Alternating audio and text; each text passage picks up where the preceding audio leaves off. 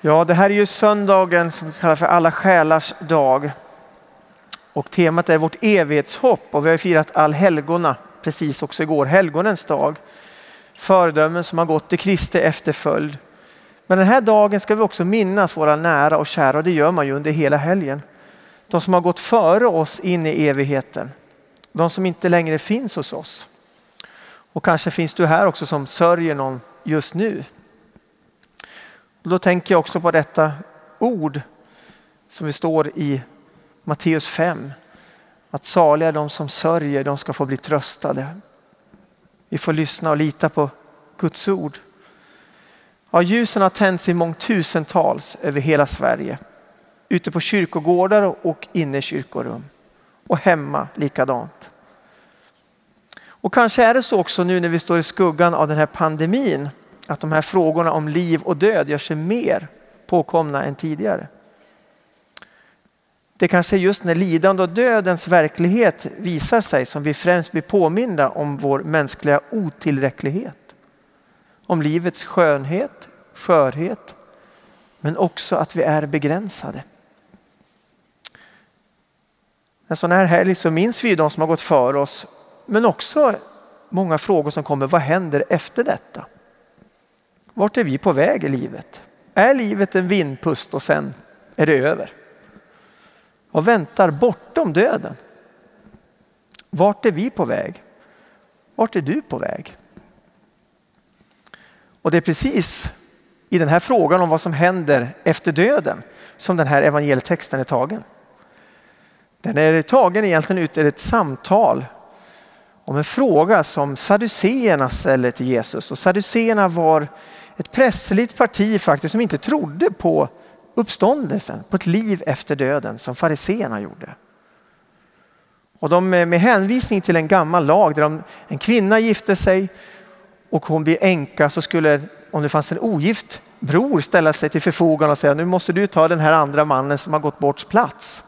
Och så lyfter de fram det och lyfter fram att det är sju stycken och alla dör och så ställer de frågan vad händer egentligen när, om, i evigheten? Men Jesus är ju så mycket visare än vad Saduséerna är som ser allt så mänskligt. Och han använder sig faktiskt av Mose när han svarar för dem, han vet att de lyssnar på Mose. Och så säger han just de här orden att de döda uppstår har också Mose visat. Och det är en hänvisning egentligen till andra Mosebok kapitel 3, vers 5 om du vill titta på det själv. Där Gud uppenbarar sig i den här brinnande törnebusken och säger Jag är din faders Gud, säger han. Inte var. Jag är. Han är levande. Och de lever. Och detta är det märkliga. Saduséerna förstod ingenting. För det eviga livet hade ju inte samma fortsättning som det ser ut här just nu. Det är någonting nytt Gud alltid gör när han skapar någonting. Han som stod framför dem hade ju makten att ge dem evigt liv. I Johannes 5 och 24 kan man läsa när Jesus säger, jag säger er, den som hör mitt ord och tror detta och tror på honom som har sänt mig, han har evigt liv. Han faller inte under domen utan har övergått från döden till livet. Den gamle biskopen Bo Hjert skrev i sin bibelkommentar till just den här texten som jag tyckte var så bra. Han sa så här att människan är skapad av Gud och kan inte göra sig oberoende av Gud, inte ens genom att dö. Vi är även efter döden i Guds hand. Även där är han. Det är det Paulus säger i Romarbrevet kapitel 14. Han säger att ingen av oss lever för sin egen skull och ingen dör för sin egen skull. Om vi lever, lever vi för Herren och om vi dör så dör vi för Herren. Vare sig vi lever eller dör tillhör vi alltså Herren. Vilken tröst i dessa ord, eller hur? Vilken tröst, vilken nåd. Vare sig du lever eller dör så tillhör du Herren. Han håller dig i sin hand även bortom döden. Hans löften sträcker sig bortom det vi ser. Guds löfte om evigt liv sträcker sig bortom döden. Och Jesu tomma grav vittnar om att han är uppstånden ifrån de döda. Kanske du är som jag att du har tänt ljus under den här helgen. Och det här ljuset som vi tänder för att minnas människor är inte bara för att minnas andra men också i bönen finns också någonting annat att se. Ljuset påminner oss som en symbol om att livet har segrat över döden. Varje gång du tänder det här ljuset så är det en påminnelse om att Jesus Kristus har övervunnit mörkret. Han har segrat. Vi får ta emot Guds gåva, frälsningen, genom att säga ja till honom. Det eviga livet börjar här och nu genom att lära känna den evige guden och den som han har sänt, Jesus Kristus. Och en dag ska han torka alla våra tårar. Här i livet möter ju vi ganska mycket svårigheter. Jag behöver inte känna dig för att förstå det, för det är så det är i livet. Vi vet att vi alla möter på olika sätt motgångar, svårigheter. Det kan kännas mörkt på olika sätt. Men det här ljuset, när du tänder ett ljus så är det en påminnelse om att, vet du vad? Döden får inte sista ordet. Det har Gud. Han är uppstånden. Ljuset lyser i mörkret och mörkret har inte fått makt över det. Och vår Gud vet vad du går igenom. Han är väl förtrogen med lidande och död. Utan Kristi lidande, ingen härlighet. Och utan hans död, ingen uppståndelse. Men nu är han uppstånden. Och han har förberett en plats för dig i himmelen. Den text som inte vi läser idag, episteltexten, är från Hebreerbrevet kapitel 11 som handlar om trons föredömen, troshjältarna. De som gick före i tro utan att veta exakt hur det såg ut. Men de hade en längtan om himlen. Att där de var, var det inte allt. Det vi ser just nu är inte slutet. De längtade, står det, efter ett bättre land, ett i himlen. Och så står det, därför skäms inte Gud för dem, utan de får kalla honom sin Gud. Han har grundat en stad åt dem. Du och jag är som gäster och främlingar här. Vi vandrar här i jordelivet, men vi är på väg till himlen. Din fader längtar efter dig. Han längtar efter varje människa att en dag föra alla oss hem.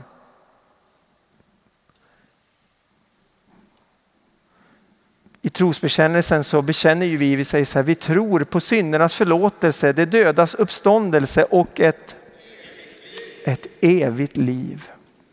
Gud vill föra oss till det eviga livet. Och det är han själv som gör det. Det beror inte på dig, det beror på honom. Han för dig dit om du säger ja till honom. För ett par år sedan så var jag på en fjällvandring, eller ganska många år sedan ska jag ärligt erkänna. Och vi var ett ganska stort gäng som skulle vandra en höst upp på Städjan och det är inget speciellt högt fjäll att skryta om heller. Och det är ganska upptrampat stig uppåt dit man ska gå. Men vi var ett stort gäng och det var en vacker höstdag i slutet av september. Krispig luft och vackra färger. Du kan se det där framför dig i alla fall, eller hur? Och som det är när man går i en större grupp så är det alltid några som alltid vill springa före. Hur många känner igen det där lite grann? Några som inte kan eller vill vara med, utan man måste liksom framåt. Så man ser ryggarna och det går ganska snabbt, de försvinner bortåt. Och sen är det alltid några som inte kan hålla den gemensamma takten heller bakåt utan de blir ju eftersläntrarna. Känner ni igen det där också? Så att det ganska snabbt börjar den där klungan sprida ut sig. Men alla var ju på väg upp vi såg ju toppen. Vi visste den där stigen vi skulle vandra och vi såg den där toppen dit vi skulle gå. Och medan vi går där så blir det längre och längre utdraget och en person hamnar verkligen på efterkälken. Och jag har fått tillåtelse att berätta om detta nu så att ni inte behöver vara oroliga. Men när han är där och går där bakom längst bak så är han så arg. Han går och tittar ner på den här stigen på alla stenarna som han måste liksom undvika och han är irriterad. Han ser ingenting av det som är runt omkring honom. Det enda han eh, kan se det är ryggarna på de som är längst bort och det gör honom ännu mer irriterad. Att ingen väntade på honom tyckte han. Här får jag gå själv. Och så när han går där och är som mest irriterad på allt så upplever han, berättar han för mig, en slags stilla röst som säger lyft blicken. Och när han gör det, från att ha gått där längs stigen och tittat ner på de här stenarna som alla vandrade på, så lyfter han blicken och så slås han av det vackra och det sköna runt omkring honom. Och han bara tar in av allt detta, höstens färger, andas in den friska luften. Han kan titta uppåt och se toppen dit faktiskt sa han redan folk var på väg uppåt mot och han var så långt borta. Men dit skulle han också. Och när han lyfter den där blicken så vänder han sig också om och upptäcker att han var inte en sist. Det fanns ytterligare en person och han kan vänta in den och så går de tillsammans. Han får uppmuntra den människan och så går de tillsammans uppåt och till sist kommer han till en plats som var beredd för honom också. Och så är det med våra liv tror jag. Att Gud måste ibland säga till oss att lyfta blicken mitt i det svåra vi går igenom. Att vi ser dit är vi på väg. Och även här får vi tacka honom för allt som sker i livet. Gud vandrar med oss och han tröstar oss och han tar oss i handen och för oss till himlen. Petrus har beskrivit det så här i första Petrus kapitel 1. Han säger Välsignad är vår Herre Jesu Kristi Gud och Fader. I sin stora barmhärtighet har han fött oss på nytt till ett levande hopp genom Jesu Kristi uppståndelse från de döda till ett arv som inte kan förstöras, fläckas eller vissna som väntar på er i himlen. Ty Guds makt beskyddar er genom tron fram till en frälsning som finns beredd att uppenbaras i den sista tiden. Därför kan ni jubla. Även om ni just nu en kort tid skulle få utstå prövningar av olika slag för att det som är äkta er tro och detta är långt dyrbarare än det förgängliga guldet som dock måste prövas i eld ska ge pris och härlighet och ära när Jesus Kristus uppenbaras.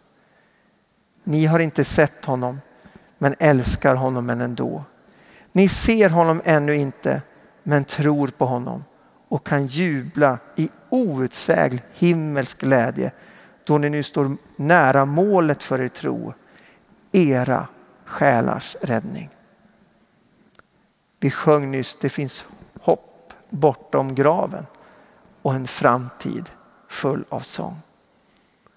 Och det hänger inte på dig och inte på mig utan allt på vad han har gjort för oss. Och du och jag av nåd får ta emot hans gåva, det eviga livet. Att säga ja till Kristus och vad han har gjort för oss. Tänk vad skönt att det inte bygger, den platsen Gud bereder för oss bygger inte på om vi har levt ett perfekt lyckat liv. Utan genom hans nåd. Och det är öppet för dig och mig. Som människor här kommer inte vi undgå lidande på jorden. Och lösningen är inte att fly det svåra, men att möta livet i full förtröstan på att Gud vandrar med oss. Han som har övervunnit döden och han kommer vara med oss alla dagar intill tidens slut. Och när din och min tid tar slut, då fattar han oss vid handen och för oss in till det eviga livet. Han är vårt evighetshopp. Han för oss till det goda land som är den sista salmen vi kommer sjunga här, sista strofen. Det gör han. Han som säger, jag är uppståndelsen och livet. Den som tror på mig ska leva om han än dör. Amen. Ska vi be tillsammans. Herre, du känner varje människa här inne, varje hjärta, Herre. Du vet var vi befinner oss på den här livsvandringen, Herre. Du vet också om vi bär på sorg. Tack för att du får lyfta av tunga bördor idag Herre. Och hjälp oss att lyfta blicken och att se vart vi är på väg. Och jag ber dig Herre, att var och en som kanske just nu funderar vart de är på väg, att de ska säga ja till din gåva, det eviga livet Herre. Att ta emot det bara du kan ge oss Herre. Så att vi kan gå en viss framtid till mötes Herre. Du är med. Du som lever i evighet. Amen.